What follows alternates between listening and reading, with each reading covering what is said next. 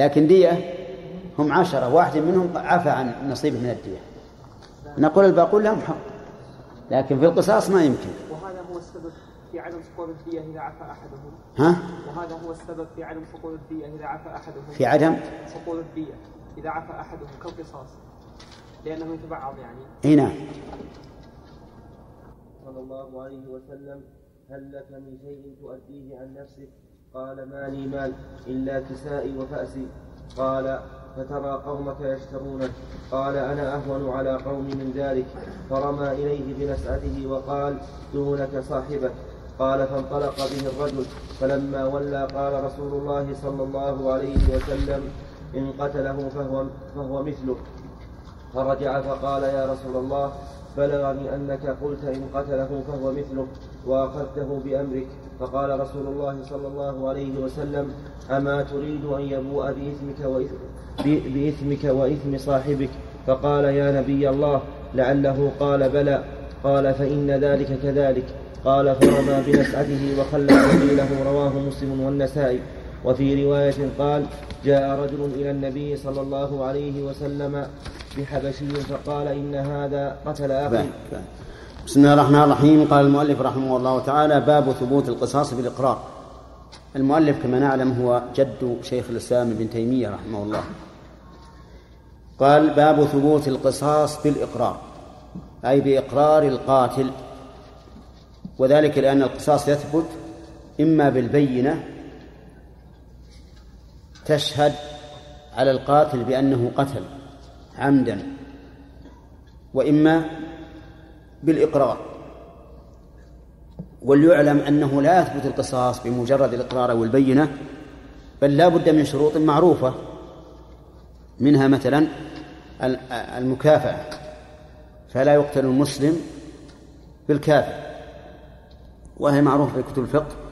لكن نقول إذا تمت الشروط وثبت القتل بالإقرار هل يقتل به؟ الجواب نعم.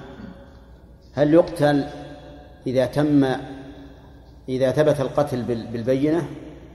نعم. طيب.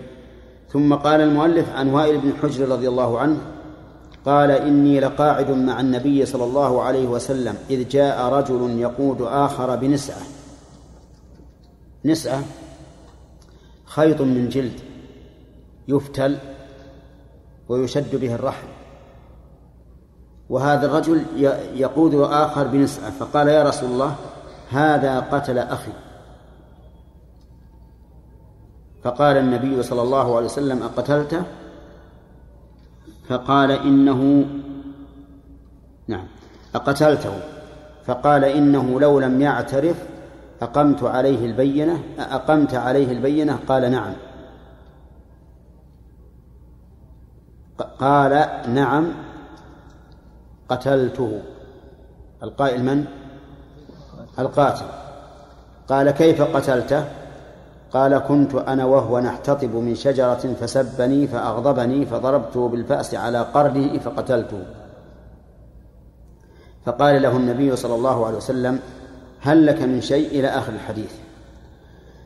قوله إن هذا قتل أخي فسأله النبي صلى الله عليه وسلم أقتلته؟ فيه دليل على أنه لا يقبل قول الخصم على خصمه. وفيه أيضا أنه يبدأ باستقرار المدعى عليه قبل طلب البينة. وذلك لأنه إذا أقر صار أهون من إقامة البينة وأدفع للشبهة. فإذا ادعى زيد إذا ادعى زيد على عمرو عشرة آلاف ريال. لا نقول لزيد هل لك بينة بل نسأل إيش؟ عمرا. هل هذا صحيح أو لا؟ فإذا قال هذا صحيح فقد كفينا فلا حاجة إلى البينة. ويتبين أن الإقرار أيسر من طلب إيش؟ البينة لأن البينة قد تكون بعيدة وقد تمتنع عن المجيء وقد تنسى بعض الشيء وقد تتهم لكن الإقرار ينتفي عنه ذلك كله. فنبدأ أولا بسؤال المدعى عليه فإذا أقر فلا حاجة لطلب البينة وإذا أنكر فلا بد من البينة ولهذا قال إنه لو لم يعترف أقمت عليه البينة. يعني معناه لو لم يعترف هذا الرجل فإنه لا بد أن تقيم عليه البينة. لأنه لو يعطى الناس بدعواهم لادعى رجال دماء قوم وأموالهم. لكان كل واحد يدعي أن فلانا قتله أن فلانا جرحه أن فلانا أخذ ماله فلا بد من البينة. قال نعم قتلته. قال نعم قتلته يستفاد منها أن الإجابة بنعم كافية ولكن لو أضاف إلى ذلك أن يأتي بالجواب مفصلا لكان أحسن كما في هذا الحديث. قال نعم قتلته قال كيف قتلته إلى آخره؟ يستفاد من هذا أنه ينبغي للقاضي أن يستفهم عن كيفية القضية. وذلك لأنه قد يقر المقر بالشيء على وجه لا يثبت به. قد يقول قتلت مثلا وهو قتله خطأ أو ما أشبه ذلك. ولهذا لما جاء مالك يقر بأنه زنى استفصل منه النبي صلى الله عليه وسلم استفصالا بالغا حتى قال له أن اكتهى. بهذا اللفظ الصريح. لئلا يظن المقر أن الشيء أن الشيء ثابت وهو لم يثبت. ومن فوائد هذا الحديث الجملة في هذا الحديث أن الإنسان قد يحمله الغضب على فعل الكبائر. لأن هذا الرجل لما سبه صاحبه غضب حتى قتله.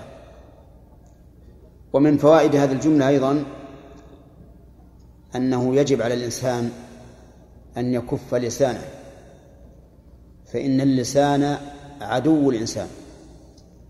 قد يتكلم الإنسان بالكلمة فتكون سببا لمفاسد كثيرة فلا بد أن يكون الإنسان دائما حافظا للسانه لئلا يزل. فقال النبي صلى الله عليه وسلم هل لك من شيء تؤديه عن نفسك؟ قال ما لي مال إلا كسائي وفأسي. هل لك من شيء تؤديه عن نفسك؟ يعني هل لك مال يبلغ الدية فتفتدي نفسك به؟ هذا المعنى. لكن على فرض أنه قال نعم فهل يلزم ولي المقتول أن يأخذ الدية؟ لا.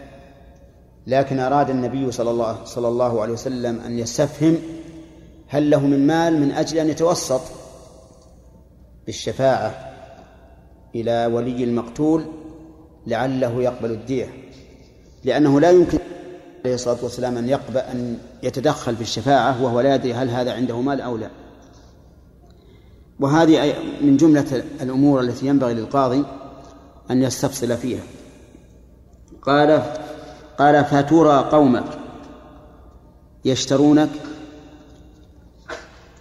يعني تظن أن قومك يفتونك بالدية وأطلق الشراء على الفداء لأن المقصود فهم المعنى والشراء إذا إذا كان في مثل هذا السياق لا يش لا يش لا يشك أحد في أن المراد بذلك الافتداء لا أنه يشترى كأنه عتيق كأنه عبد. قال أنا أهون على قوم من ذلك. معلوم أن اللي يظهر أنه فقير حطاب لا يملك إلا الفأس والحبل الكسى والفأس. قال أنا على أنا أهون على قوم من ذلك. فرمى إليه بنسعته وقال دونك صاحبك.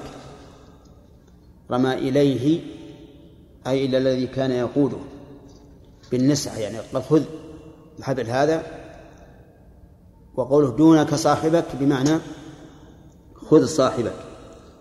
قال فانطلق به الرجل فلما ولى قال رسول الله صلى الله عليه وسلم إن قتله فهو مثله. لما ولى ليقتله.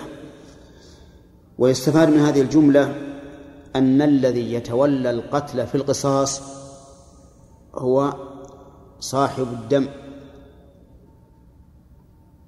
وليس السلطان لأن النبي صلى الله عليه وسلم لم لم يتولى قتله. فالذي يتولى القصاص هو صاحب الدم أي ولي المقتول. وذلك لأن هذا أشفى لقلبه وأبعد عن الغيظ فيما يستقبل. وذا لأن أولياء المقتول إذا لم يباشروا قتل القاتل بقي في قلوبهم شيء. فإذا باشروه صار هذا أشفى لغيظه وأطيب لقلوبهم. ولهذا أعطاه النبي صلى الله عليه وسلم الرجل من أجل أن يقتله. قال أهل العلم ويتولى القصاص أولياء المقتول لكن يكون بحضرة السلطان أو نائبه. يكون بحضرة السلطان أو نائبه يعني الأمير. لئلا يجور في القصاص. لأن المقتص في قلبه حنق وغيظ على هذا الذي الذي قتل صاحبه. فربما يجور في القصاص إذا اقتص منه. ربما يمثل به. وربما يقتله بآلة كالة وربما يقتله على صفة مزرية. فلهذا كان لا بد من حضور من؟ السلطان أو نائبه. نعم. قال النبي قال فلما ولى قال النبي قال رسول الله صلى الله عليه وسلم إن قتله فهو مثله. وهذه كلمة عظيمة.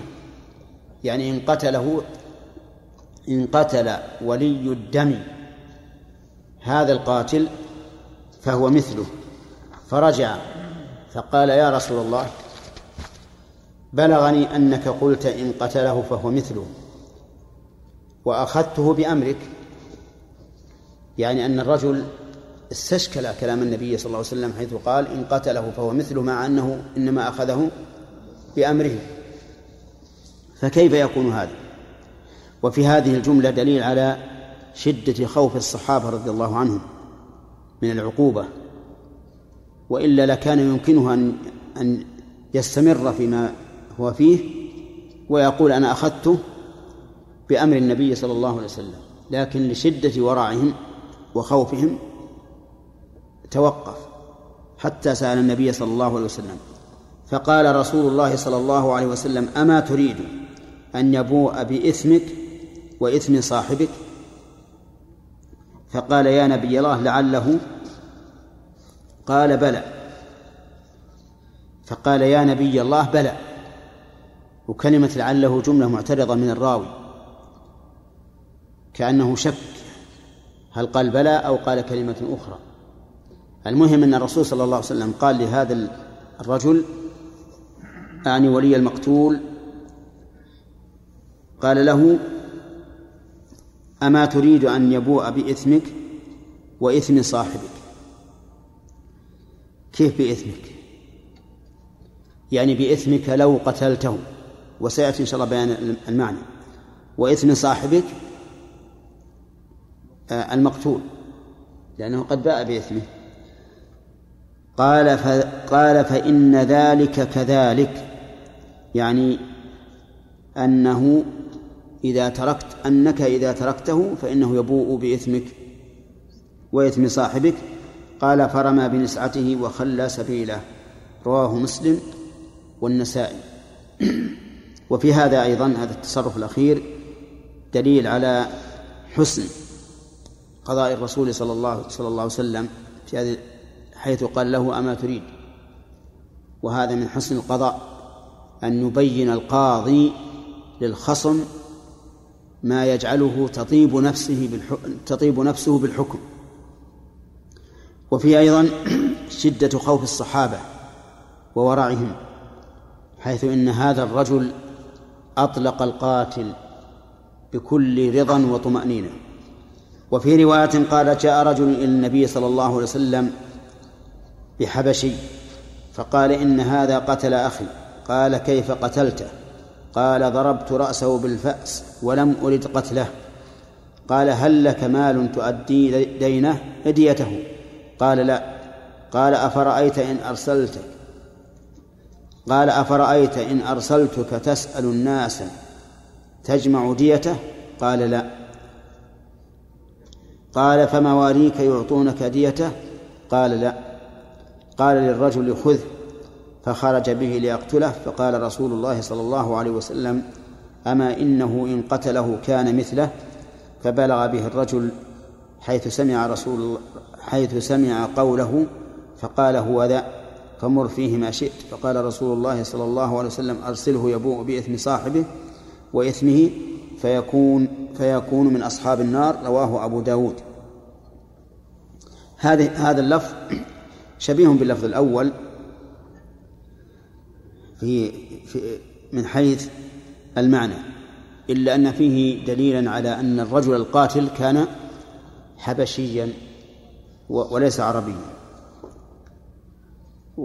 قال ابن قتيبة في قوله إن قتله فهو مثله لم يرد أنه مثله في المأثم وكيف يريده والقصاص مباح. ولكن أحب العفو فعرض تعريضا أوهمه به أن إن قتله كان مثله في الإثم ليعفو عنه وكان مراده أنه يقتل نفسا كما أن الأول قتل نفسا وإن كان الأول ظالما والآخر مقتصا نعم هذا لا شك أنه صرف للكلام عن ظاهره لأن ظاهر قوله إن قتله فهو مثله ظاهره إيش؟ أنه مثله في الإثم. ولهذا رجع الرجل وخاف. وقول ابن قتيبة رحمه الله إنه أراد أن يعرض به بهذا الكلام من أجل أن يعفو. هذا أيضا فيه نظر. وذلك لأن النبي صلى الله عليه وسلم لا يمكن أن يوهم صاحب الحق بشيء يجبره على تنازله عن الحق. لأنه لأن تنازله عن القصاص من أجل هذا الوعيد شبه إجبار. ولا يمكن أن الرسول عليه الصلاة والسلام يتكلم بكلام يتنازل به صاحب الحق عن حقه وهو خلاف المراد. فهذا التأويل فيه مخرج لكنه مخرج ضعيف. مخرج ضعيف لأن الرجل صاحب الحق سيفهم أن الكلام إيش؟ على ظاهره فيتنازل عن الحق خوفا من الإثم. والنبي عليه الصلاة والسلام لا يمكن أن يتكلم بكلام يستلزم نزول الحق نزول صاحب الحق عن حقه بدون رضا تام. قال وقيل معناه كان مثله في حكم البوائي فصار متساويين لا فضل للمقتص إذا استوفى على المقتص منه. هذا أحسن من الأول. إن قتله كان مثله يعني في أنه يبرأ من المباح بالإثم. كما أن المقتص منه إذا سلم نفسه برئ من البواء بالإثم. معلوم هذا ولا لا؟ المقتص منه يعني القاتل. إذا سلم نفسه برئ من البواء بالإثم وذلك أن القاتل إذا قتل تعلق في حقه ثلاثة حقوق. حق لله وحق للمقتول وحق لأولياء المقتول. فإذا سلم نفسه كان هذا دليلا على أنه تاب. فيسقط بذلك حق الله. ويسقط حق أولياء المقتول بتسليم نفسه. وحينئذ لا يبوء بالإثم. أما حق المقتول نفسه فإن من العلماء فإنه لا يسقط ولكن الله عز وجل يوفيه بكرمه. لأن الله تعالى قال في سورة الفرقان والذين لا يدعون مع الله إلها آخر ولا يقتلون النفس التي حرم الله إلا بالحق ولا يزنون. ومن يفعل ذلك يلقى أثاما يضاعف له العذاب يوم القيامة ويخلد فيه مهانا إلا من تاب وآمن وعمل عملا صالحا فأولئك يبدل الله سيئاتهم حسنات. فدل هذا على أن القاتل إذا تاب وآمن وعمل عملا صالحا فإن الله يبدل سيئاته حسنات. وهذا يستلزم أن لا يتعلق به حق المقتول بل الله عز وجل يتحمل ذلك عن القاتل ويعطي المقتول حقه. وقيل أراد ردعه عن قتله لأن القاتل إذا ادعى أنه لم يقصد قتله فلو قتله الولي كان في وجوب القود عليه مثله لو ثبت منه قصد القتل.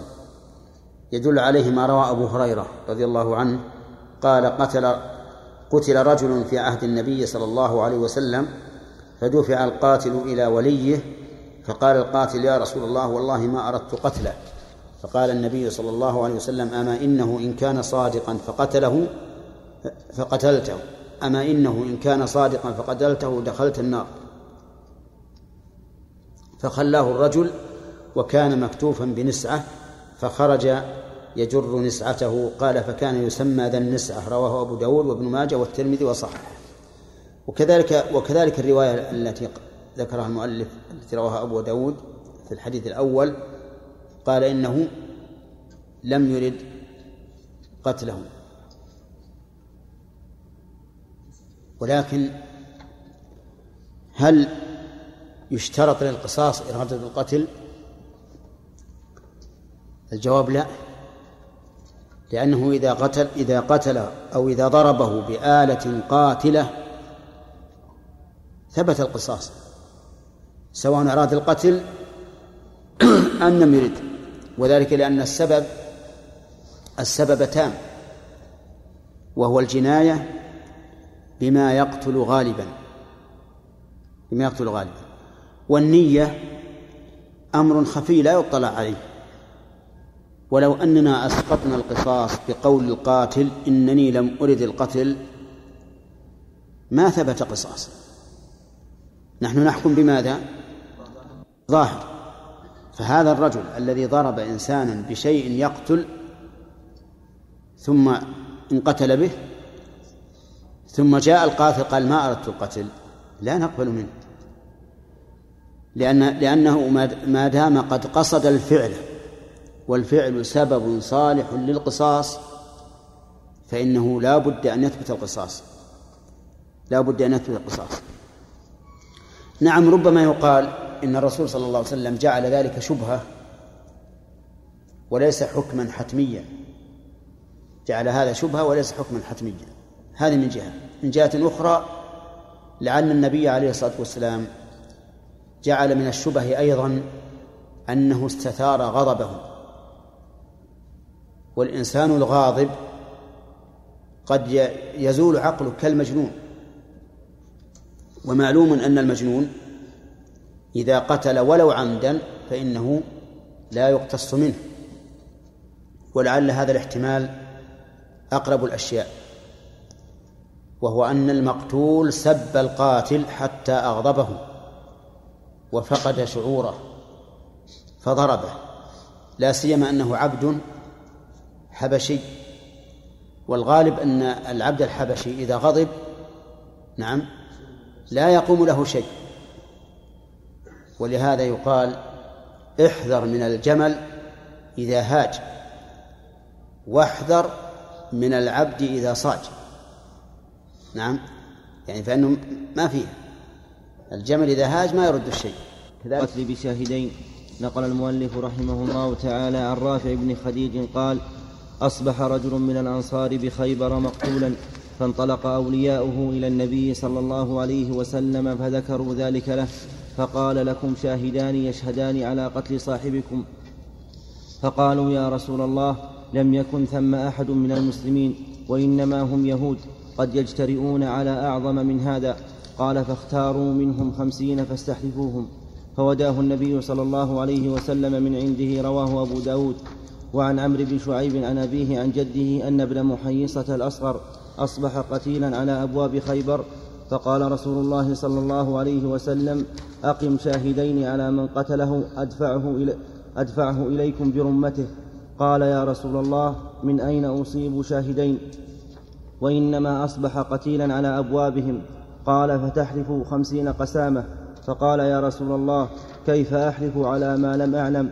فقال رسول الله صلى الله عليه وسلم فاستحلف منهم خمسين قسامة. فقال يا رسول الله كيف نستحلفهم وهم اليهود؟ فقسم النبي صلى الله عليه وسلم ديته عليهم وأعانهم بنصفها رواه النسائي. بسم الله الرحمن الرحيم الحمد لله رب العالمين والصلاة والسلام على نبينا محمد وعلى آله وأصحابه أجمعين.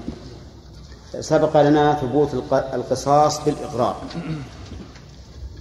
وذكر المؤلف قصة الرجل الذي سبه صاحبه فضرب على رأسه بالفأس حتى قتله. وفيه إنه لو لم يعترف يقول المدعي لو لم يعترف أقمت عليه البينة.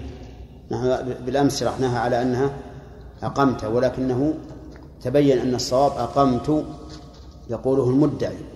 وشكلوها لأن هذه مهمة. بضم التاء أقمت عليه البينة. نعم. في فيما سبق إشكال وهو أن الرسول عليه الصلاة والسلام بعد إقرار القاتل دفع بنسعته إلى المدعي ليقتله ثم قال إنه لو قتله لكان مثله. فما هو الجواب عن هذا الإشكال؟ مع أنه إنما قتله بأمر الرسول عليه الصلاة والسلام. ثلاث أجوبة. نعم. أصرح شيء فيها أنه صح في شيء شيء فيها أنه النبي صلى الله عليه وسلم قالها تحذيرا آه، للولي أن يقتل هذا الرجل للشبهة القائمة أنه آه، غضب حتى أنه آه، صار كالمجنون لا يدري ما يفعل. نعم. لوجود هذه الشبهة فالنبي صلى الله عليه وسلم حضره لأجلها. أنه يكون مثله في ليسلك سبيل الاحتياط. نعم. ليسلك سبيل الاحتياط. هذا أصح الأجوبة فيه. أن الرجل لما غضب ربما كان غضبه شديدا بحيث لا يملك نفسه ولا يمكن أن يتصرف تصرف العاقل. وهذه شبهة توجب درء القصاص. طيب. ثم قال المؤلف باب ثبوت القتل بشاهدين. قول بشاهدين يعني لا برجل وامرأتين. هذا مراده واعلم أن القتل نوعان. قتل موجب للقصاص فهذا لا مدخل للنساء فيه وهو الذي تمت فيه شروط القصاص. وقتل موجب للمال وهو قتل الخطأ فهذا تقبل فيه شهادة النساء لأن موجبه المال. والمال يثبت بشهادة رجل وامرأتين. وهذا يشمل القتل والجراح والأطراف. يعني لو أن شخصا ادعى على آخر بأنه قطع يده عمدا فهنا لا بد من ها شهادة رجلين لأنه قصاص. قتلها خطأ قطعها خطأ فهذا يكفيه فيه رجل وامرأتان وذلك لأن موجب الخطأ مال والمال تقبل فيه شهادة النساء وموجب العمد القصاص وهذا لا مدخل للنساء فيه. فالمؤلف رحمه الله يقول ثبوت القتل بشاهدين المراد بالقتل؟ ها قتل القصاص ولا لا؟ نعم القتل الموجب للقصاص. قال عن رافع بن خديج قال أصبح رجل من الأنصار بخيبر مقتولا. سيأتي إن شاء الله في باب القسامة من هو فانطلق أو النبي صلى الله عليه وسلم فذكر ذلك له. خيبر مزارع وحصون لليهود.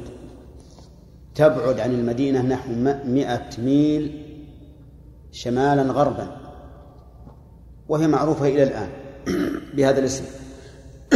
افتتحها النبي عليه الصلاة والسلام وفيها اليهود وقسمها وقسم منها على الصحابة رضي الله عنهم وطلب اليهود من رسول الله صلى الله عليه وسلم أن يبقيهم فيها للزرع على النصف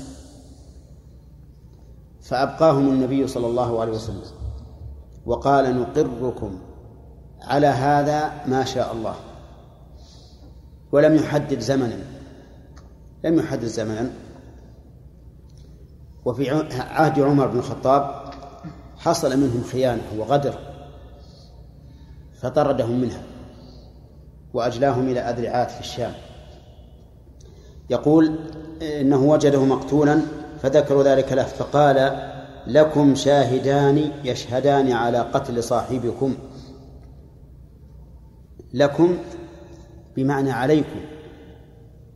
يعني أن أنه لا بد أن تأتوا بشاهدين يشهدان على قتل صاحبكم على قتل صاحبكم.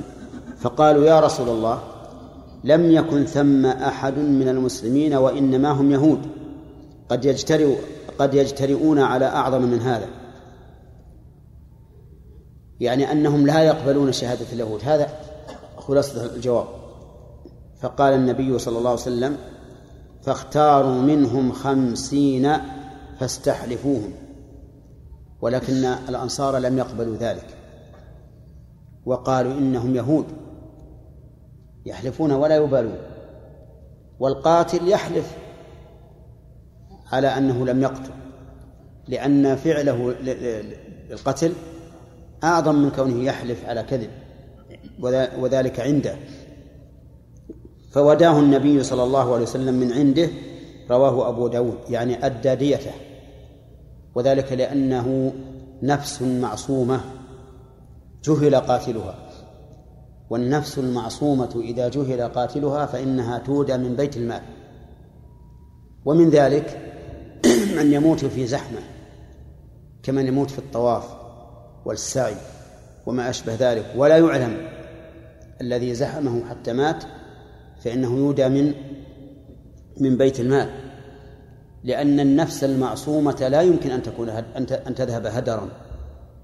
وإذا لم يمكن أن أن تذهب هدرا ونحن لا ندري من الذي قتلها فإن بيت المال يدفع في مصالح المسلمين. كما أن من مات ولم يكن له وارث أين يذهب ماله؟ يذهب إلى بيت المال. فبيت المال يعتبر محصلا للأموال المجهولة وكذلك يعتبر موردا ومصدرا للأنفس المجهولة. فلهذا وداه النبي صلى الله عليه وسلم من عنده لأنه نفس معصومة لم يعلم إيش؟ قاتلها. ومثل هذا تكون ديته على بيت المال. من فوائد هذا الحديث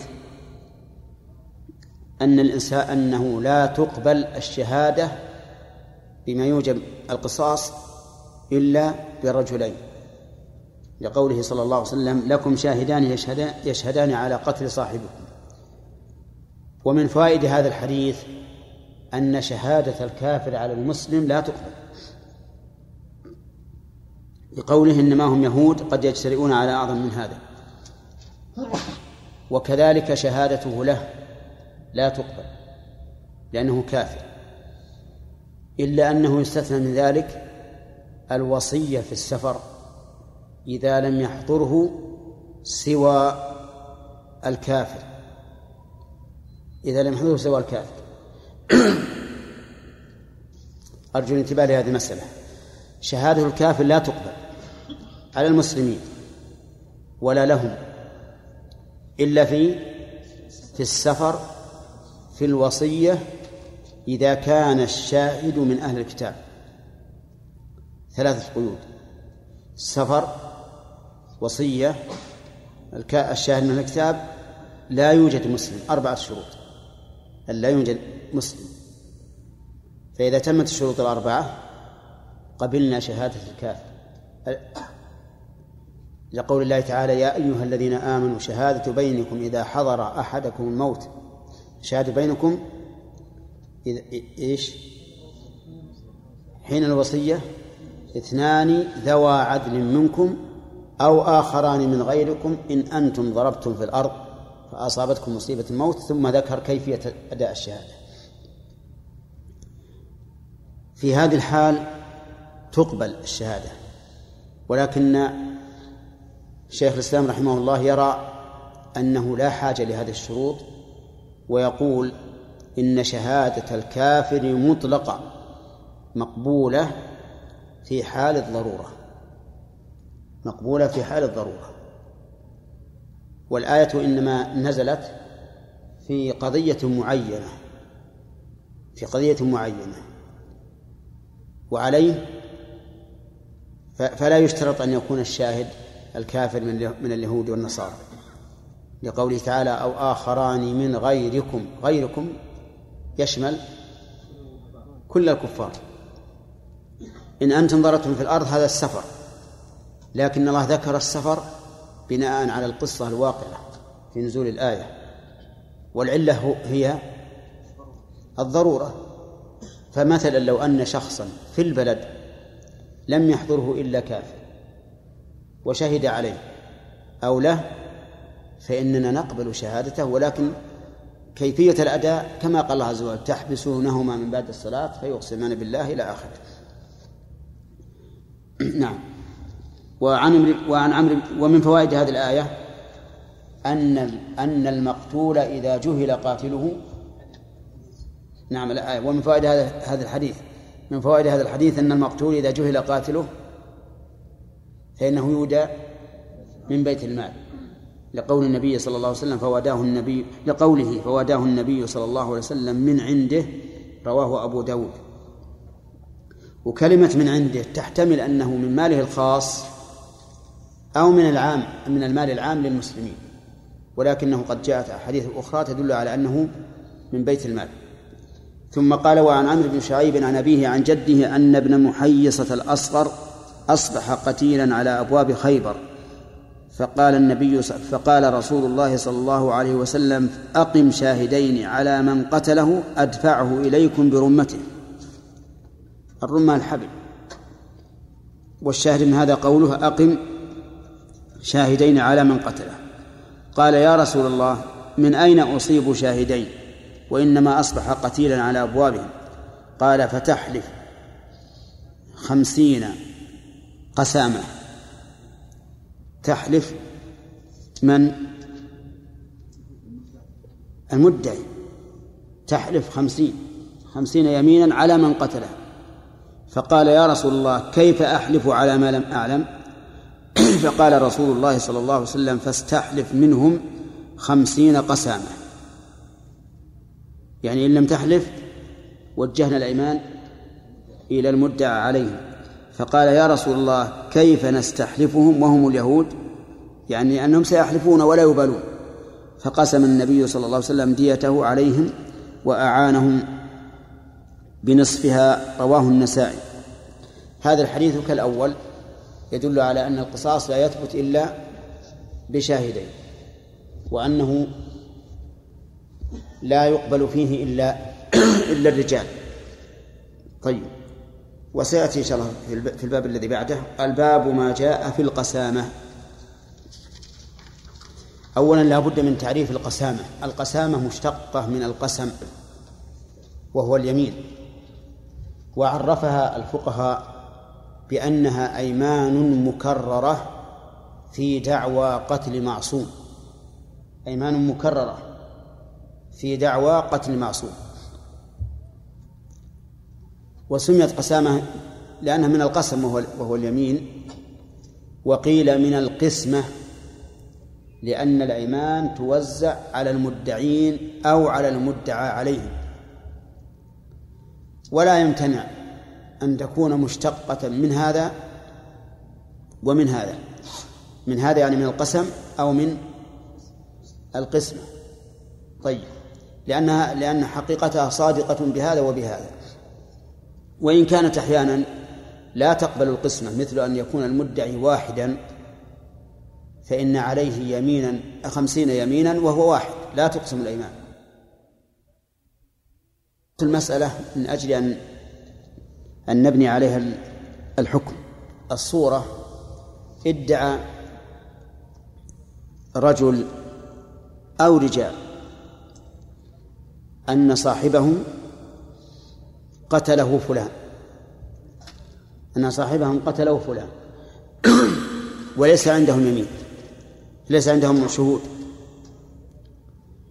هذه الدعوة لو مشينا فيها على الدعاوى العادية لقلنا للمدعين إذا لم يكن لكم بينة فليس لكم إلا يمين واحدة على إيش؟ المدعى عليه. لأن النبي صلى الله عليه وسلم قال البينة على المدعي واليمين على من أنكر. فأنتم إما أن تقيموا بينة تشهد بأن فلانا قتل صاحبكم وإما أن يحلف المدعون المدعى عليهم يمينا واحدة ويبرؤون. عرفتم؟ لكن إذا كانت المسألة قسامة فإننا نقول للمدعين إذا ادعوا بأن فلان قتل صاحبه إن أقر ثبت القصاص بماذا؟ بإقراره ولا إشكال. إن أتوا ببينة ثبت القصاص بالبينة ولا إشكال. إذا لم يأتوا ببينة نقول لهم احلفوا خمسين يمينا بأن هذا قتل صاحبكم بأن هذا قتل صاحبكم. فإن حلفوا ثبت القصاص مع أنهم مدعون. وإن لم يحلفوا قلنا للمدعى عليه احلف خمسين يمينا بأنك لم تقتل. احلف خمسين يمينا بأنك لم تقتل. فإن لم يحلف وهم لم يحلفون وداه الإمام من بيت من بيت المال. وإن حلفوا برئوا. إن حلفوا برئوا ولا ولا ولا شيء على بيت المال. هنا نقول هذه المسألة تخالف غيرها من المسائل من وجوه. الوجه الأول أن اليمين فيها صار من جانب المدعي. فاهمين؟ اليمين فيها من جانب المدعي. كيف ذلك؟ أنت.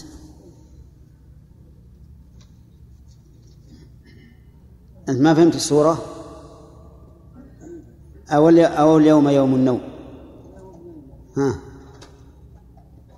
الصورة كيف هي؟ كيف الصورة؟ استمع. لا كيف؟ ما هي الصورة لأن الأخ ما تصورها إلى الآن. لا لا لا. ما هي الصورة؟ لا لا لا لا. عبد الله لا أنا أبي عبد الله الصورة إذا قتل شخص شخصا ثم ادعى لا ادعى قوم أو واحد من الناس على شخص بأنه قتل قتل صاحبه مورثهم لأن القوم هذول ورثة. ها فنقول لهؤلاء الرجال احلفوا خمسين خمسين يمين احلفوا أن فلان قاتل صاحبكم خمسين يمين طيب. طيب. وإن لم يحلفوا نقول للمدعى عليه يحلف خمسين يمين نعم. فإن لم يحلف فإن حلف؟ فإن حلف. ثبت حلف كيف يثبت؟ حلف أنه ما قتل. لم يحلف برئة. ها؟ لا لا. برئ انتهى. انتهت انتهت القضية. برئ وانتهى لكن إن لم يحلف وهؤلاء لم يحلفوا فإنه يؤخذ من من بيت المال. الآن الإشكال كيف جعلنا اليمين في جانب المدعي؟ والمدعي إنما يكون في جانبه البينة المدعي نقول له هات الشهود. عرفتم ولا لا؟ ونحن قلنا لكم في أول الكلام إذا جاء ببينة فلا قسامة. إذا أقر المدعى عليهم فلا قسامة. إنما إذا لم يأتي ببينة ولم يقر المدعى عليه حينئذ نأتي بالقسامة. لكن في غير هذه القضية لا نأتي بقسامة. الآن نقول لماذا جعلت اليمين في جانب المدعي دون المدعى عليه؟ هذه واحدة. والثاني كيف نسوغ للمدعي أن يحلف وهو لم يشهد؟ ولم. ولم يرى القاتل حين القتل. والثالث لماذا نكرر الأيمان؟ لماذا نكرر الأيمان؟ والرابع لماذا كانت خمسين؟ لماذا كانت خمسين؟ كم هذه؟ أربعة أسئلة ترد على مسألة القسامة. ومن أجل هذا ذهب بعض التابعين إلى عدم القول بالقسامة وأنه إذا لم يكن للمدعي بينة ولم يقر المدعى عليه برئ وذهب. لأن هذا هو الأصل في الدعاوى. لكن السنة أثبتت القسامة أثبتت القسامة كما في هذا الحديث. ولكن اجعلوا على بالكم هذه الأسئلة الأربعة. أولا لماذا جعلت اليمين في جانب المدعي؟ وثانيا لماذا يح... لماذا ساغ لهم أن يحلفوا وهم لم يروا؟ والثالث لماذا كرت الأيمان؟ والرابع لماذا كانت خمسين؟ الجواب على هذه الأسئلة يمكن أن يؤخذ من الحديث. قال عن أبي سلمة بن عبد الرحمن وسليمان بن يسار. عن رجل من أصحاب النبي صلى الله عليه وسلم من الأنصار أن النبي صلى الله عليه وسلم أقر القسامة على ما كانت عليه في الجاهلية رواه أحمد ومسلم والنسائي. أقر القسامة على ما كانت عليه في الجاهلية وكانت في الجاهلية على النحو الذي جاء به الشرع ولكن الشرع يقر الحق ولو كان منشأه من من الجاهلية. لأن الشرع حق يقبل الحق من أي أحد جاء به. ولهذا أقر النبي صلى الله عليه وسلم القسامة وأقر المضاربة. المضاربة كانوا يفعلونها في الجاهلية فأقرها الإسلام على ما كانت عليه. وهنا يقول عن رجل من أصحاب النبي صلى الله عليه وسلم من الأنصار فيه جهالة. رجل من الأنصار. فكيف جاء هذا الحديث في صحيح مسلم مع أن فيه رجلا مجهولا؟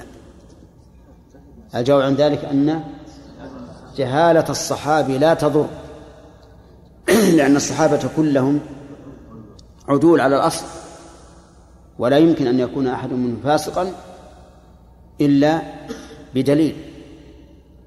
والفاسق منهم الذي وقع منه ما يوجب الفسق قد تاب منه. أو كان له حسنات تمحو هذا هذا الفسق. أو غفر له بسابقته إلى الإسلام. أو غير ذلك من الأشياء. نعم. وإلا ففي الصحابة من شرب الخمر فيهم من سرق فيهم من زنى فيهم من قتل. لكن كل هذه الذنوب مغمورة بجانب الفضائل التي استحقوها بصحبة رسول الله صلى الله عليه وسلم. نعم. هذا الحديث ليس فيه بيان كيفية القسامة. بيان كيفية القسامة. لكن الذي بعده عن سهل بن أبي حثمة قال انطلق عبد الله بن سهل ومحيصة بن مسعود إلى خيبر وهو يومئذ صلح.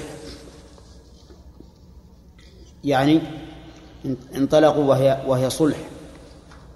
يعني قد صلح أهلها. فتفرقا فأتى محيصة إلى عبد الله بن سهل وهو يتشحط في دمه قتيلا. تفرقا كما هي العادة أن الرجلين أو الرجال إذا خرجوا إلى مكان تفرقوا كل يذهب ثم يكون المأوى لهم جميعا. لكن جاء إلى عبد الله بن سهل وهو يتشحط في دمه قتيلا.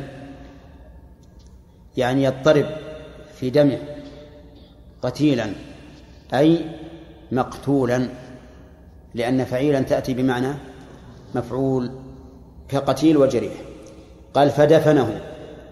ثم قدم المدينة فانطلق عبد الرحمن بن سهل يعني أخ أخاه ومحيصة وحويصة. ابنا مسعود إلى النبي صلى الله عليه وسلم وهذان الرجلان عمان للقتيل. فذهب عبد الرحمن يتكلم فقال النبي صلى الله عليه وسلم كبر كبر. وهو أي عبد الرحمن أحدث القوم فسكت فتكلم يعني محيصة وحويصة. فقال النبي صلى الله عليه وسلم تحلفون وتستحقون قاتلكم أو صاحبكم. فقالوا كيف نحلف ولم نشهد ولم نرى؟ قال فتبرئكم يهود بخمسين يمينا. فقالوا كيف نأخذ أيمان قوم كفار؟ فعقله النبي صلى الله عليه وسلم من عنده رواه الجماعة. وفي رواية متفق عليها فقال رسول الله صلى الله عليه وسلم يقسم خمسون منكم على رجل منهم فيدفع برمته. قالوا أمر لم نشهده كيف نحلف؟ قال فتبرئكم. يهود بخمسين بأيمان خمسين منهم. قالوا يا رسول الله قوم كفار وذكر الحديث بنحوه وهو حجة لمن قال لا يقسمون على أكثر من واحد. روايات متعددة إن شاء الله للدرس بعد نعم. في ثبوت القتل بشاهدين إذا كان القتل عمد ولا وليس عند الولي إلا رجل وامرأتان. ثم الولي قال أنا لن أطالب بالقصاص بطالب بالمال إيه. إن الشهود لا يثبتون إلا بالمال فهل ليس فهل له العدول إلى المال؟ إيه. وش تقولون؟ يقول إذا كان ليس عند المدعي على القتل العمد الموجب للقصاص إلا رجل وامرأتان فقال أنا أختار الدية أنا أختار الدية فهل نحكم بشهادة الرجل والمرأتين الجواب لا. لأن ثبوت الدية له فرع عن ثبوت القتل. وإذا لم يثبت القتل لم تثبت الدية. فعلى هذا لا بد من شاهدين ولا ولا يقبل فيه النساء إذا كان عمدا. ها؟ وكذلك القطع. القتل خطأ. نعم. يوجب المال إيه؟ ونقبل فيه رجل إيه لأن القتل خطأ في الأصل لا يوجب إلا المال. أصلا لا يوجب إلا المال. بس شيخ يعني ثبوت الدية في الخطأ فرع إيه. عن ثبوت القتل. أي والقتل هذا لأنه أصلا لا يوجب إلا مال إلا مالا. أما ذاك في الأصل قصاص النفس بالنفس. قلنا إن القتيل إذا كان قاتله مجهولا إنه يودى من بيت المال. وكنا في القسامة إذا حلف. إذا حلف القاتل أبرأ نفسه و... والقتيل ما ليست له دين. نعم. كيف الآن صارت يعني صار الآن مهدور الآن ال- القتيل؟ أي لأن لأن فيها دعوة على معين. الدعوة على معين ولم يثبت الآن. ما من بيت هو ما قال أنا أن, إن لو قال المدعي لو قال أولياء المقتول إن صاحبنا قتل ولا ندري من قتله. حينئذ نديه من بيت المال. لكن الآن لما قالوا عينوا من قتله ثم برئ هذا ما, ما عاد نقتله. يعني يهدر بهذا. أي أن انتهت القضية. قضية متعلقة بشخص معين برئ منها بالحكم الشرعي. كيف نحمل بيت المال؟ شيئا قد برئ منه صاحبه. أما إذا كان مجهولا نعم يقول هذا الآن ما من من نطالب؟ إذا كان المدعى عليه معلوما وطالبناه ومشينا القضية على حسب قواعد الشرع ثم اقتضت القواعد أن هذا بريء. معناه إذن لا, لا يمكن أن نديه من بيت المال. لأن نفس المستحق يقول إنه لم يقتله إلا هذا الرجل. فعين القتل. القسامة هي أيمان مكررة في دعوى قتل المعصوم. وبينا صورة المسألة. أن يدعي شخص أو أشخاص على إنسان بأنه قتل مورثهم. نعم رحمك الله. وقلنا إنه إن أقر القاتل فلا قسامة. وإن قامت بينة ها؟ عجيب. فلا قسامة لا حاجة لها. وإن أنكر القاتل وإن أنكر القاتل ولم تقم بينة فحينئذ نحتاج إلى القسامة ولكن لابد من شروط نذكرها فيما بعد. القسامة أن نقول للمدعي أو المدعين احلفوا خمسين يمينا بأن صاع بأن هذا الرجل قتل صاحبه. إذا كان شخصا واحدا حلف ها خمسين يمينا. إذا كانوا اثنين حلف كل واحد خمسة وعشرين. إذا كانوا ثلاثة حلف كل واحد أربعا وثلاثين. ها لا. ثلاثة في اقسم خمسين على ثلاثة. سبعة عشر سبعة عشر وسبعة عشر أربعة وثلاثين وسبعة عشر واحد وخمسين. يعني يجبر الكسر. نعم طيب. فإذا لم يحلفوا قلنا للمدعى عليه احلف خمسين يمينا. فإن حلف برئ. فإن حلف برئ. وإن لم يرضى أولياء المقتول بيمينه فإن الإمام يدفع ديته من من بيت المال. طيب. نحن ذكرنا أن القسامة يتوجه عليها أربعة أسئلة نعم وهي الأول لماذا جعلت القسامة على المدعي؟ لا قسامة. ماذا تقصد بالقسامة؟ يعني هذا لماذا جعلت اليمين في جانب؟ في جانب المدعي طيب والثاني الأخ لا أنت. نعم لماذا تتكرر الأيمان؟ والثالث؟ نعم. لماذا يحلف المدعون وهم لم يروا؟ نعم الرابع؟ لماذا كانت الأيمان خمسين؟ لا. ليست أقل ولا أكثر. طيب. أما أما السؤال الأول السؤال الأول فجوابه أن اليمين ليست خاصة في جانب المدعى عليه. اليمين إنما تكون في جانب أقوى المتداعيين. في جانب أقوى المتداعيين. فإذا كان جانب المدعي أقوى كانت اليمين في جانبه. وإذا كانت إذا كان المدعى عليه أقوى كانت اليمين في جانبه. واضح؟ لماذا؟ لأن البينة ما أبان الحق. البينة ما أبان الحق. فكما أنه إذا أقام المدعي رجلين يشهدان بالقتل فهي بينة فكذلك أيمان تكون بينة إذا وجدت القرائن على صدقه. ولهذا نشترط في القسامة أن يكون بين المدعى المدعين والمدعى عليهم عداوة عداوة ظاهرة بينة. أما بدون عداوة فلا قسامة. يعني واحد يجي من الشارع يقول هذا فلان قتل مورثي ما يقبل ولا يكون قسامة. لا بد يكون هناك عداوة من أجل ترجيح جانب من؟ جانب المدعي. كما كان بين اليهود وبين المسلمين. لأن الذين اتهموا بقتل عبد الله بن سهل من؟ اليهود وبينهم وبين المسلمين عداوة لا شك. إذا كان هناك عداوة فالعداوة ترجح جانب من؟ جانب المدعي.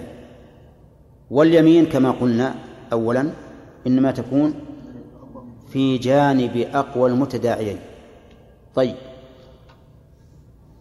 ويدل لهذا أننا لو رأى لو رأينا شخصين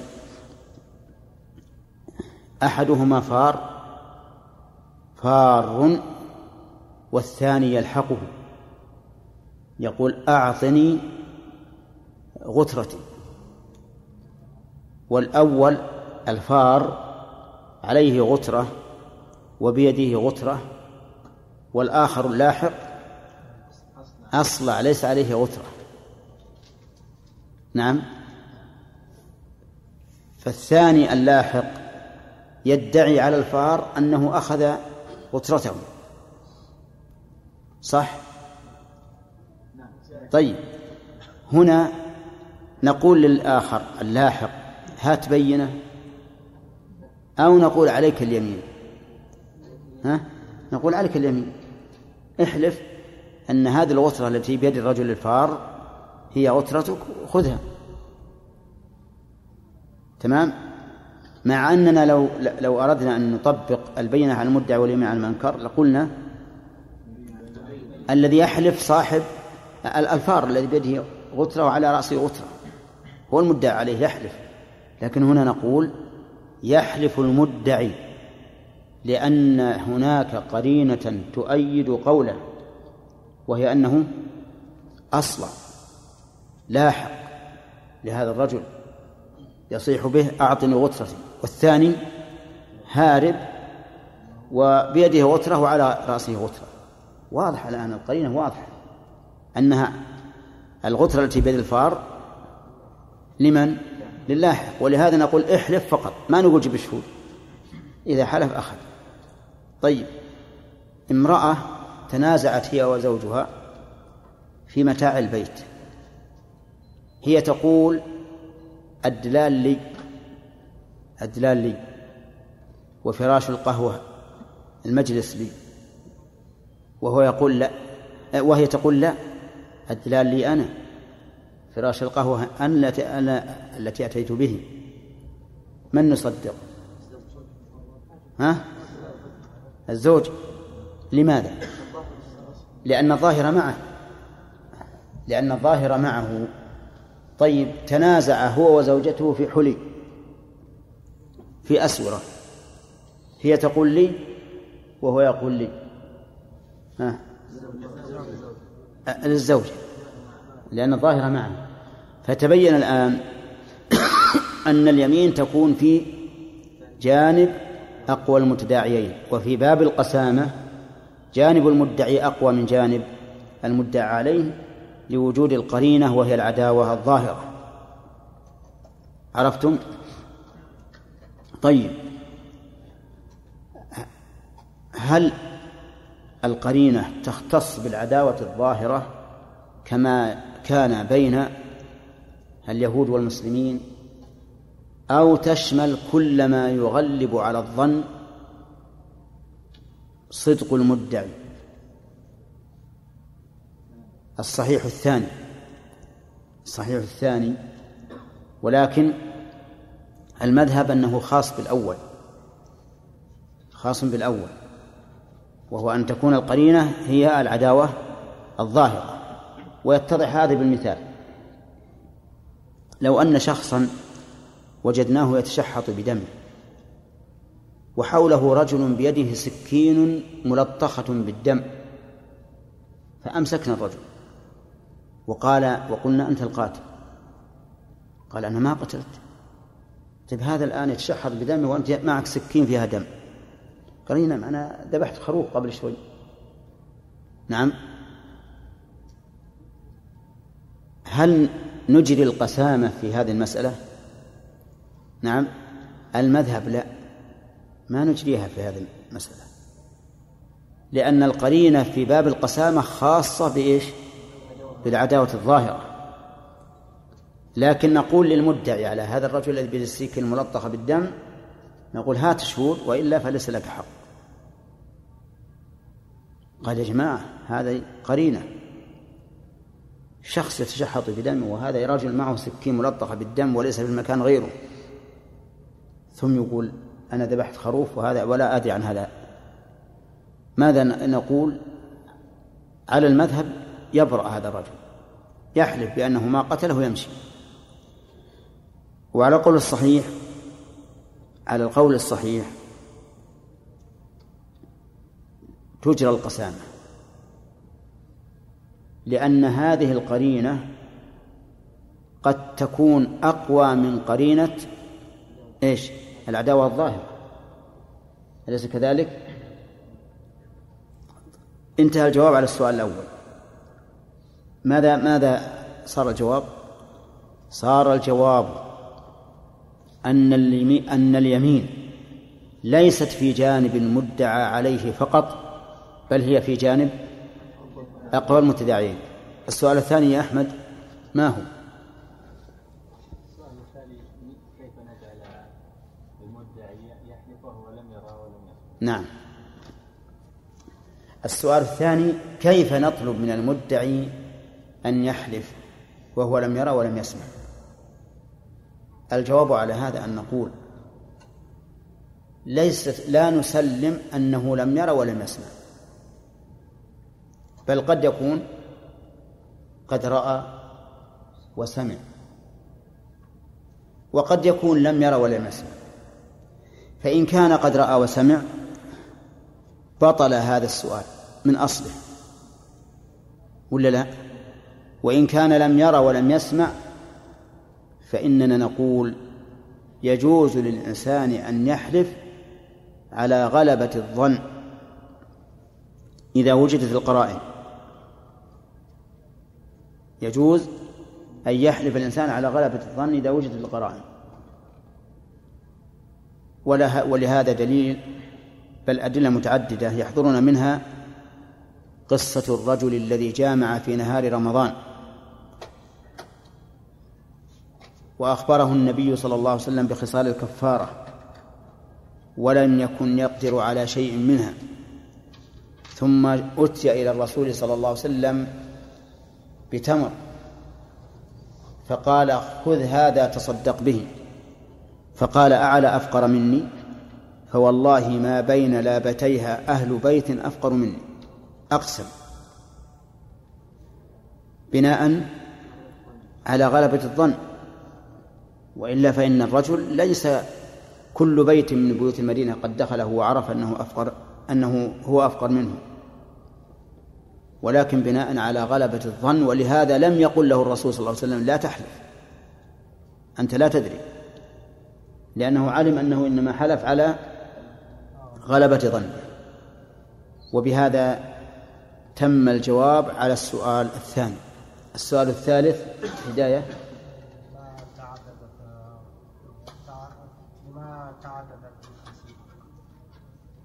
لماذا كانت خمسين ولا لماذا تعددت؟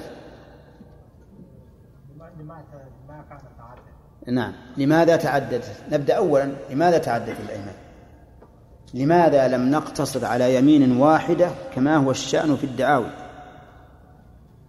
والجواب أننا أنه وجب تعدد الأيمان لعظمة القتل لأن القتل ليس بهين. ولأن الرجل قد يحلف أول مرة ثم يأخذه الخوف من الله فيمسك. أليس كذلك؟ فمن أجل عظم الدماء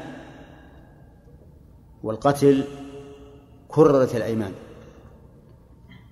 كررت الأيمان.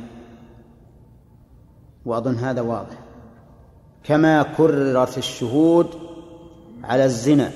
فجعلوا أربعة مع أن بقية البينات يكون في الشاهد يكون في الشاهد اثنان. طيب. إذن أجبنا عن السؤال الثالث. السؤال الرابع. خلاصة الجواب. ها؟ خلاصة الجواب. تعظيما لشأن الدماء كررت الأيمان. لأن الإنسان ربما يحلف أول مرة وثاني مرة وثالث مرة ثم يأخذه الخوف من الله فيمتنع. السؤال الخامس شوف لماذا كانت خمسين؟ لماذا كانت خمسين؟ والجواب أننا لا نسأل عن هذا. هذا السؤال لا يصح إراده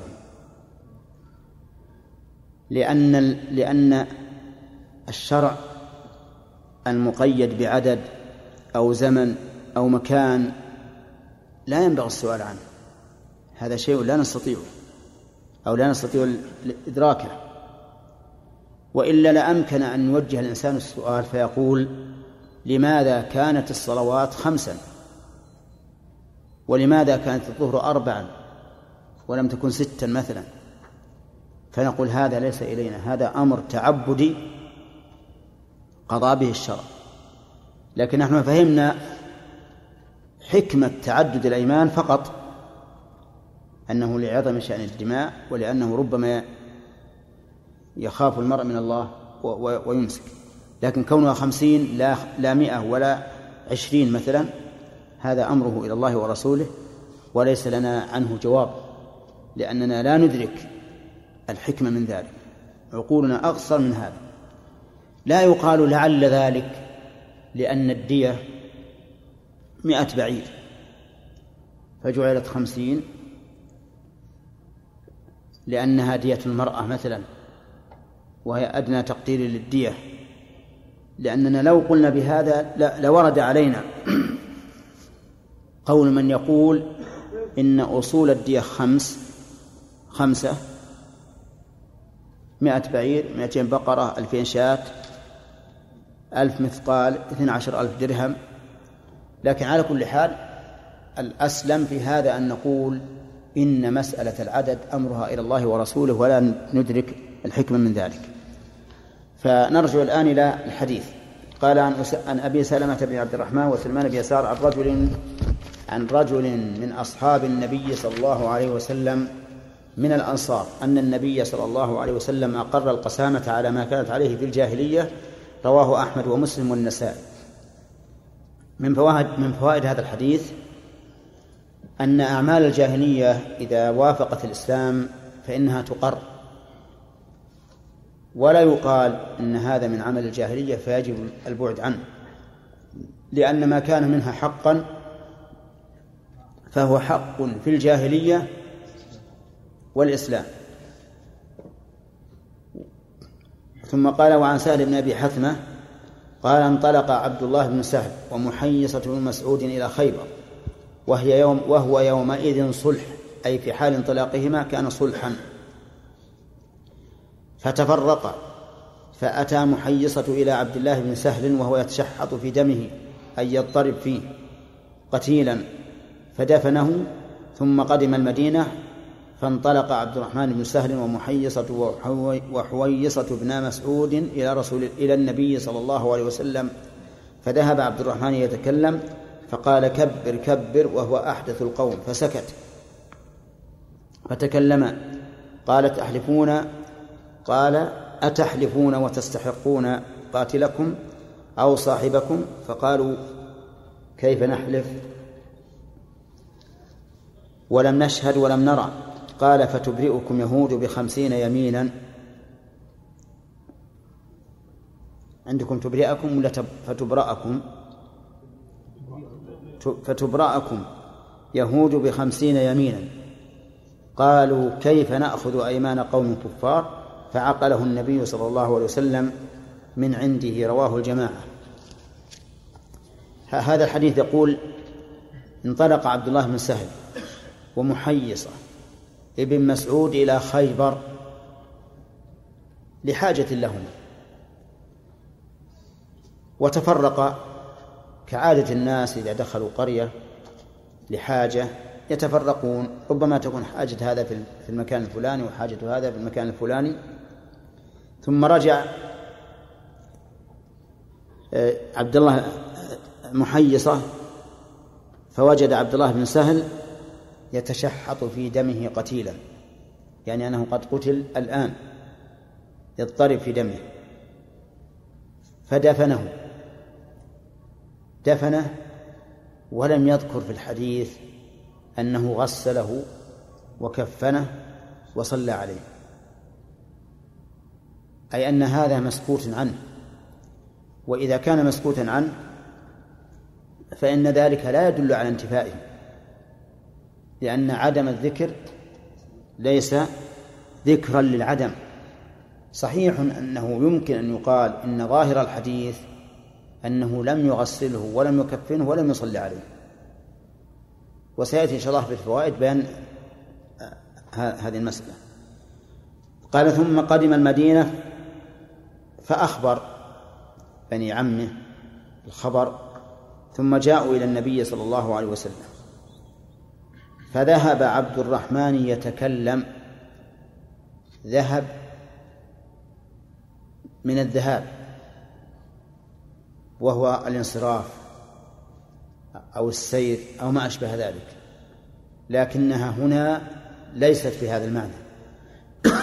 هنا من أفعال الشروع من أفعال الشروع أي فشرع يتكلم وأفعال الشروع تعمل عمل كان. أي ترفع الاسم وتنصب الخبر. لكن خبرها دائما يكون جملة مضارعية. جملة مضارعية. فتقول مثلا أخذ يتكلم. أخذ يتكلم. بمعنى شرع يتكلم. ذهب يتكلم. قام يتكلم. وما أشبه ذلك. كل هذه يسميها النحاة أفعال الشروع ويقولون إن فعلها إن خبرها يكون فعلا مضارعا غير مقرون بأن. يقول فذهب عبد الرحمن يتكلم فقال أي النبي صلى الله عليه وسلم كبر كبر يعني قدم الأكبر. وليس المراد كبر قل الله أكبر بل المراد قدم الأكبر. والجملة الثانية تأكيد للجملة الأولى. تأكيدا لفظيا أو معنويا. تأكيدا لفظيا. تأكيدا لفظيا لأنها لم تأتي بزائد عن المعنى بل هي بلفظ الأولى فسيكون التوكيد هنا لفظيا. قال ابن مالك وما من التوكيد لفظي يجي مكررا كقولك درج. درجي نعم. يقول كبر كبر وهو أي عبد الرحمن أحدث القوم أي أصغرهم فسكت. فتكلم من؟ محيصة وحويصة. فتكلم يعني وأخبر النبي صلى الله عليه وسلم بالخبر. فقال النبي صلى الله عليه وسلم أتحلفون وتستحقون قاتلكم أو صاحبكم؟ يعني أتحلفون على قتله؟ وإذا حلفتم استحققتم قتل صاحبكم. يعني صاحب يعني بصاحبهم الذي ادعوا عليه القتل. فقالوا وكيف نحلف ولم نشهد ولم نرى؟ يعني أن الحلف لا يكون إلا على علم. ونحن لم نشهد ولم نرى. الجملة قوله لم نرى توكيد للجملة التي قبلها لأن المراد بالشهادة هنا لم نشهد أي الرؤية. قال فتب فتبرأكم أي تبرأ منكم يهود تبرأكم أي تبرأ من تبرأ منكم يهود بخمسين يمينا. أي أنهم هم يحلفون إذا لم تحلفوا أنتم يحلفون خمسين يمينا. توزع على المدعى عليهم إن كانوا جماعة أو يقوم بها المدعى عليه إن كان واحدا. فقالوا كيف نأخذ بأيمان قوم كفار؟ أي أنهم لم يرضوا. حويصة ومحيصة وعبد الرحمن بن سهل لم يرضوا بأيمان اليهود لأنهم كفار. واليهود هم من أكذب عباد الله وأجرائهم على محارم الله. فما أسهل الأيمان عليهم؟ يحلفون ولا يبالون. فقال النبي صلى فعقله النبي صلى الله عليه وسلم من عنده. عقله يعني أدى ديته أدى ديته وتسمى الدية عقلا لأن من عادتهم أن أن المؤدي للدية يأتي بها إلى مكان صاحب الدية ثم ينيخ الإبل ثم يعقلها بعقلها. فلهذا تسمى عقلا ويسمى المؤدي للدية عاقلة. نعم والله أعلم. نعم لو الان النبي عليه الصلاه والسلام قال يعني ها؟ شرع القسامه على اليهود اذا وقع الان مثل هذا الحكم هل اليهود يحلفون فيه؟ إي نعم. المدعى عليه يحلف. ولو كان المدعى المدعي إذا رضي ما عليه. وإن كان نعلم أن أنهم يسهل عليهم أن يكتبوا في اليمين. نعم.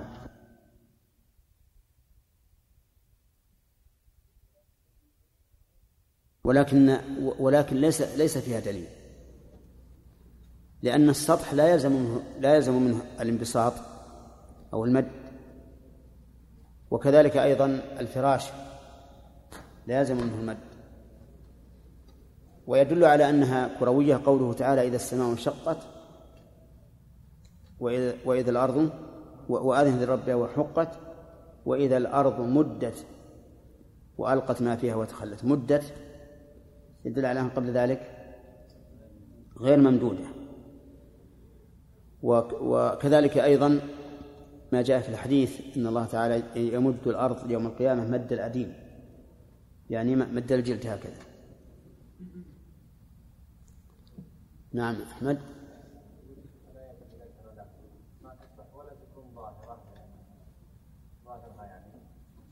أبدا لأن هي الآن ما يحس الإنسان بكونها كروية ما يحس. الآن كل اللي, اللي مد البصر ترى أنه سطح ترى أنه سطح وذلك لأجل كبرها ما يظهر فيها التدوين. نعم حتى لو قدر إنها ظاهرة انها إنها سطح واحد مع أن السطح لا يلزم أن يكون مستقيما حتى سطح البيت لا يلزم. أنت الآن عندك قبة مثلا لها سطح لكن على على كل حال إذا قدرنا أن هذا هو الظاهر أو المتبادر لبعض الناس ال- النصوص الأخرى تدل على أن هذا الظاهر غير مراد. نعم.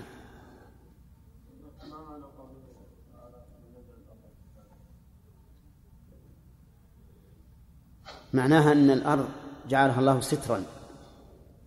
لأن الكفت بمعنى الستر. ولهذا قال كفاة أحياء وأمواتا. ففي ففي الحياة يستتر الناس بدورهم. وفي الموت يستترون في قبورهم.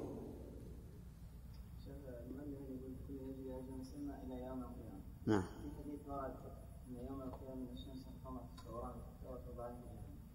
نعم. صحيح بسم الله الرحمن الرحيم الحمد لله رب العالمين والصلاة والسلام على نبينا محمد وعلى آله وصحبه أجمعين. قال رحمه الله تعالى وفي رواية متفق عليها فقال رسول الله صلى الله عليه وسلم يقسم خمسون منكم على رجل منهم في فيدفع فيدفع, فيدفع برمته. قالوا أمر لم نشهده كيف نحلف؟ قال فتبرئكم يهود بأيمان خمسين منهم. قالوا يا رسول الله قوم كفار وذكر الحديث بنحوه وهو حجة لمن قال لا يقسمون على أكثر من واحد. وفي لفظ لأحمد فقال رسول الله صلى الله عليه وسلم تسمون قائلكم تسمون قائلكم ثم تحلفون عليه خمسين يمينا. قاتلكم. نعم. قاتلكم. وش عندك أنت؟ مي تس- تسمون قاتلكم ثم تحلفون عليه خمسين يمينا ثم نسلمه. وفي رواية متفق عليها فقال لهم تأتون بالبينة على من قتله. قالوا ما لنا من بينة. قال فيحلفون. قالوا لا نرضى بأيمان اليهود. فكره رسول الله صلى الله عليه وسلم أن يبطل دمه. فوداه بمئ- بمئة من إبل الصدقة.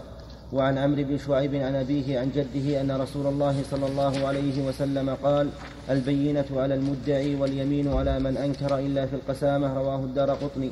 وعن أبي سلمة بن عبد الرحمن وسليمان بن يسار عن رجل من الأنصار أن النبي صلى الله عليه وسلم قال ليهود وبد وبدا بهم يحلف منكم خمسون رجلا فأبوا. فقال للأنصار استحقوا قالوا نحلف على الغيب يا رسول الله فجعلها رسول الله صلى الله عليه وسلم دية على اليهود لأنه وجد بين أظهرهم رواه أبو داود. بسم الله الرحمن الرحيم. آه، تقدم لنا أن النبي صلى الله عليه وسلم أقر القسامة على ما كانت عليه في الجاهلية. وسبق لنا أيضا تعريف القسامة. وسبق لنا أنه يرد عليها يا إخواني لا يصرف رجل. تقدم جزاكم الله خير. طيب يتقدم واحد هنا. كلما تقاربتم استعددتم الخلل أحسن. ابعد شوية. تدم حقيقة الظاهر نعيد سلطة شيبة نعم؟ ما هو بيجي الصبح؟ ندور شيبة الثاني إن شاء الله. وسبق لنا أن القسامة يرد عليها أسئلة أربعة. وأجبنا عنها. نعم. فإذا قال قائل هل القسامة خارجة عن القياس أو على وفق القياس؟ فإنها فالجواب على هذا السؤال يتبين مما سبق وأنها على وفق القياس لأن اليمين تكون في جانب أقوى المتداعيين. طيب في الشرح وصلنا إلى؟ نعم. وفي رواية وفي رواية متفق عليها فقال رسول الله صلى الله عليه وسلم يقسم خمسون منكم على رجل منهم على رجل. رجل يعني معين لأنه لا يمكن الإقسام على رجل مبهم. بأن يقال بأن يقول مثلا والله لقد قتل صاحبنا رجل من اليهود. هذا لا فائدة منه. فمراد النبي صلى الله عليه وسلم بقوله على رجل يعني معين على رجل منهم القضية عرفتموها من قبل. أن اليهود اتهموا بقتل رجل من المسلمين في خيبر. يقال له عبد الله بن سهل. فرفع الأمر إلى رسول الله صلى الله صلى الله عليه وسلم فطلب من مد من المدعين أن يحلفوا خمسين يمينا. فقالوا لا نحلف ولم نرى ولم نشهد. فبين لهم الرسول صلى الله عليه وسلم أنهم إذا لم يحلفوا فإن اليهود يحلفون خمسين يمينا. فقالوا لا نرضى بأيمان اليهود. فكانت الغاية أن الرسول صلى الله عليه وسلم وداه من عنده. هذه القصة. هنا يقول يقسم خمسون منكم على رجل منهم. فقلنا في هذا تعيين المدعى عليه. وقول يقسم خمسون منكم لم يبين الرسول عليه الصلاة والسلام من الذي يقسم بل قال خمسون منكم. وهو يخاطب عبد الرحمن بن سهل أخو القتيل ويخاطب حويصة ومحيصة. فظاهر الحديث أن القس أن الأيمان توجه على المطالبين بالقتل من الوارثين وغيرهم. ولكن المشهور عند الفقهاء أن الأيمان توجه على الورثة فقط على ورثة القتيل. لماذا؟ لأن ورثة القتيل هم الذين يملكون يملكون إسقاط المطالبة أو المطالبة. يعني يملكون أن يطالبوا أو لا يطالبوا. فتكون الأيمان عليهم هم أي على الوارثين. طيب. مثال ذلك رجل له أخ. شقيق.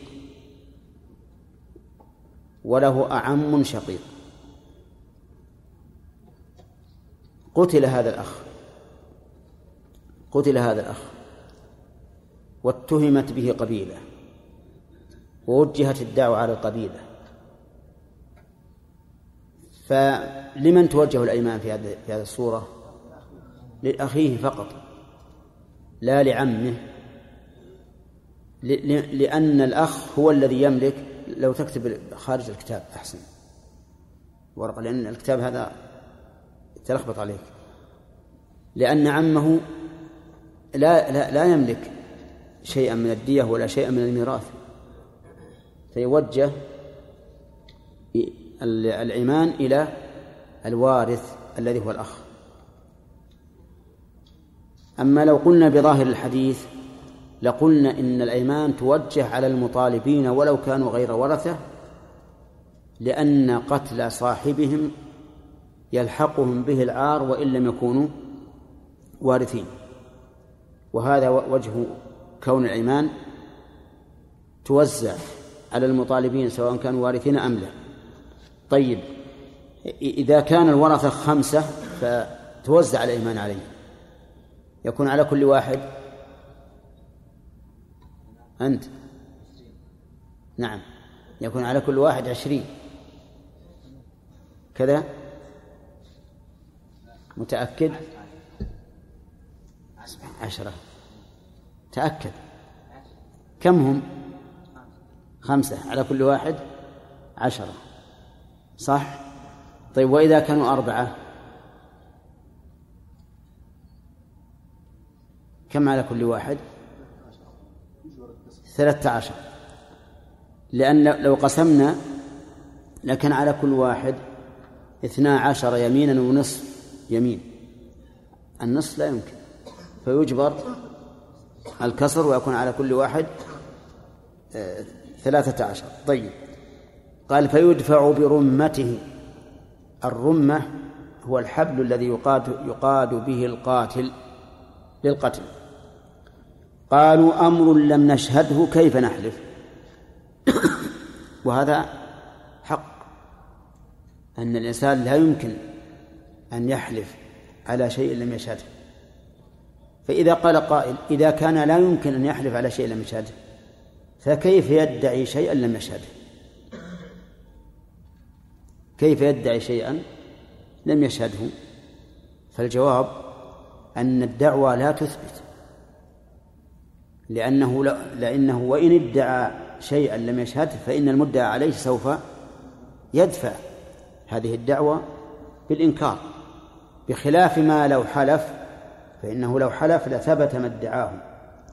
ولهذا كان هؤلاء الصحابة لم يمتنعوا من الدعوة ولكن امتنعوا من اليمين والأمر ظاهر.